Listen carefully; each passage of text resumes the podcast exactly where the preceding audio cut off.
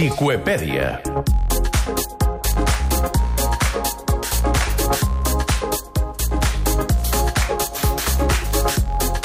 Set minuts i arribarem a les 9 del vespre i, per tant, al final del Tot Costa. Però, abans d'acabar, estrenem la Xicwepèdia, que és la nova secció que aquesta temporada ens acostarà la Marta Garcia.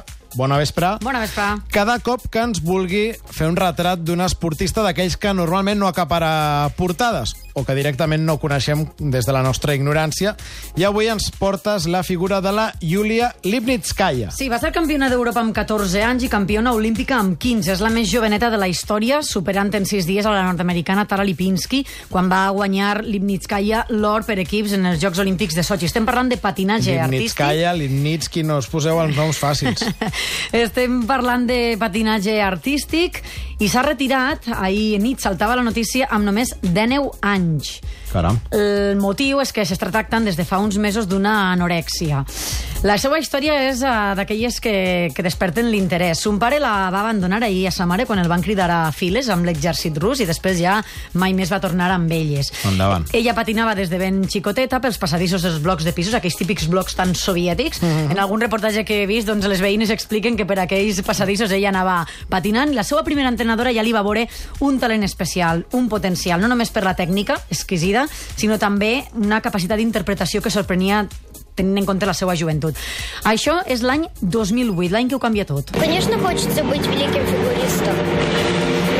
És una veu de xiqueta, perquè Sí, sí. tenia 10 anyets. Pensava que ho havíem d'entendre. No, no, no. És una entrevista rus televisió arrovellat. russa on ella explica que el seu somni és una gran patinadora, ser una figura, i que sap que per aconseguir-ho ha de treballar molt. Ho tenia tan clar que és en eixe any, en el 2008, quan li diuen mira, has arribat a un nivell que ara que ja has de fer el salt, no a patinar només en l'escola, sinó, de fet, allò, fer un salt a algun club.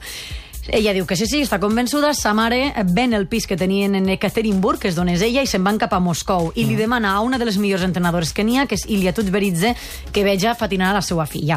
I vaja, ho tenen clar de seguida. Eh? Tres anys després, en un programa en el Mundial Júnior de Romeu i Julieta, comencen a pressionar-li dient que, escolta, que tu això de Romeu i Julieta no saps ben bé què és, que això és una història d'amor que acaba tràgicament, que no sabràs. I ella, el periodista, li respon allò molt convençuda. Potser no sé gaire d'amor, però sí que sé molt del primer amor. Sí, D'amor no se'n sap mai gaire, jo crec. A partir d'aquí, eh, després d'aquest exercici, els entesos del patinatge destaquen sobretot, com dèiem abans, la tècnica a part, la seva manera d'interpretar. Arriba un segon moment que també marca, i molt, la seva carrera esportiva.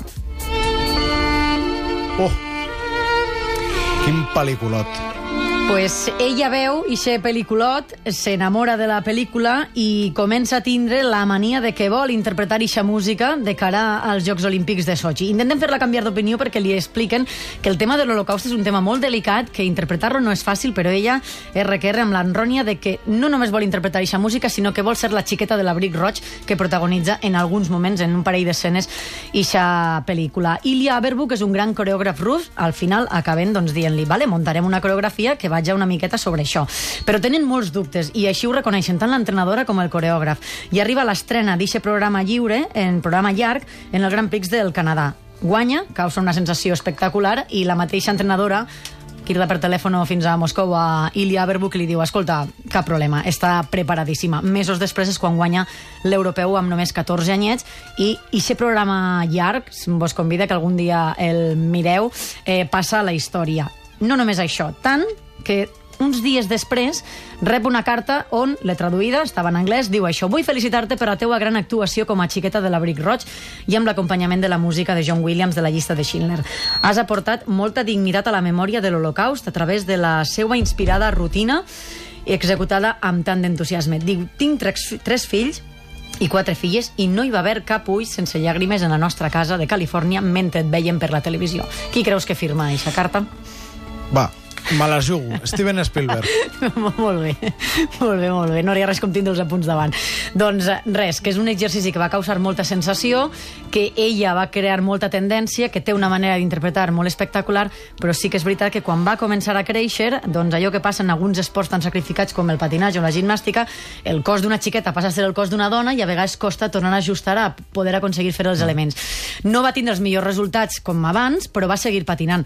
Ara el cas és que li han detectat vaja, li estan tractant una anorèxia que esperem que, que pugui superar. Julia Limnitskaya, la primera protagonista de la Chicuepèdia, s'ha retirat, però tant de bo algun dia la podem veure tornar a patinar. Gràcies, Xicue. Adeu.